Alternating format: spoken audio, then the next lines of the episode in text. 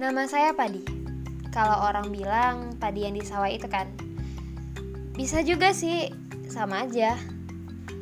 Ini adalah podcast pertama saya. Saya memberanikan diri untuk berbicara seperti ini agar cerita saya juga didengar orang banyak. Ada banyak hal yang mau saya ceritain. Sesuai dengan judulnya, yaitu tempat nyaman, saya langsung teringat dengan pantai. Jalan-jalan di pantai sendiri sangat menyenangkan. Saya bisa melihat sisi laut yang terpapar jelas tanpa bantuan omongan orang lain. Pantai itu ibarat rumah. Saya bisa ngelakuin apa aja di sana. Jangan salah, masih dalam batas wajar kok.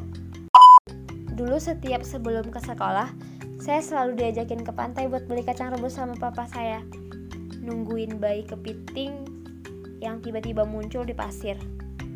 Dan itu rasanya seneng banget kalau dia keluar terus kalau dikagetin dia masuk lagi. Tapi saya berdosa sih sama dia. Karena waktu dia muncul saya cepet-cepet tutup lubangnya. Jadi dia kewalahan sendiri cari jalan pulang. Pernah nggak sih kalian coba inget hal-hal baik yang ada di hidup kalian? Saya sih sering. Kenapa karena dari sana saya paham jika ada hal-hal baik yang harus selalu dibawa ke mana-mana. Harus diingat, dan jangan sampai seribu hal baik di hidupmu itu hancur karena satu keburukan yang terjadi. 20 tahun saya hidup, sudah banyak sekali jalan yang saya lalui. Mulai dari yang terbaik, bahkan yang terhina sekalipun.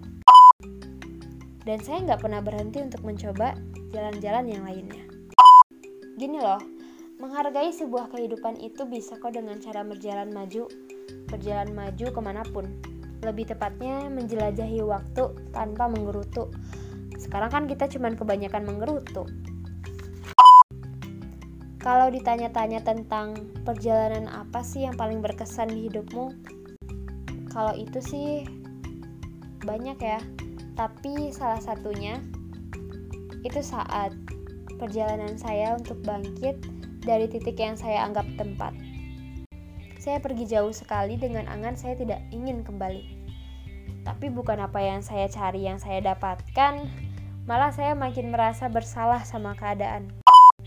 Lalu muncullah pertanyaan-pertanyaan di otak saya. Kenapa sih dulu saya sempat berpikir dia membenci? Kenapa sih dulu saling menjauh? Padahal saya tahu itu cuma saling memperkeruh keadaan. Kenapa sih dulu saya nggak coba buat jelasin dan bicara dengan baik-baik aja? Dan mulai dari situ saya mencari dan mulai dari situ saya mencari sebuah arti perjalanan yang sesungguhnya. Hidup itu kalau kata orang must go on, yaitu life must go on.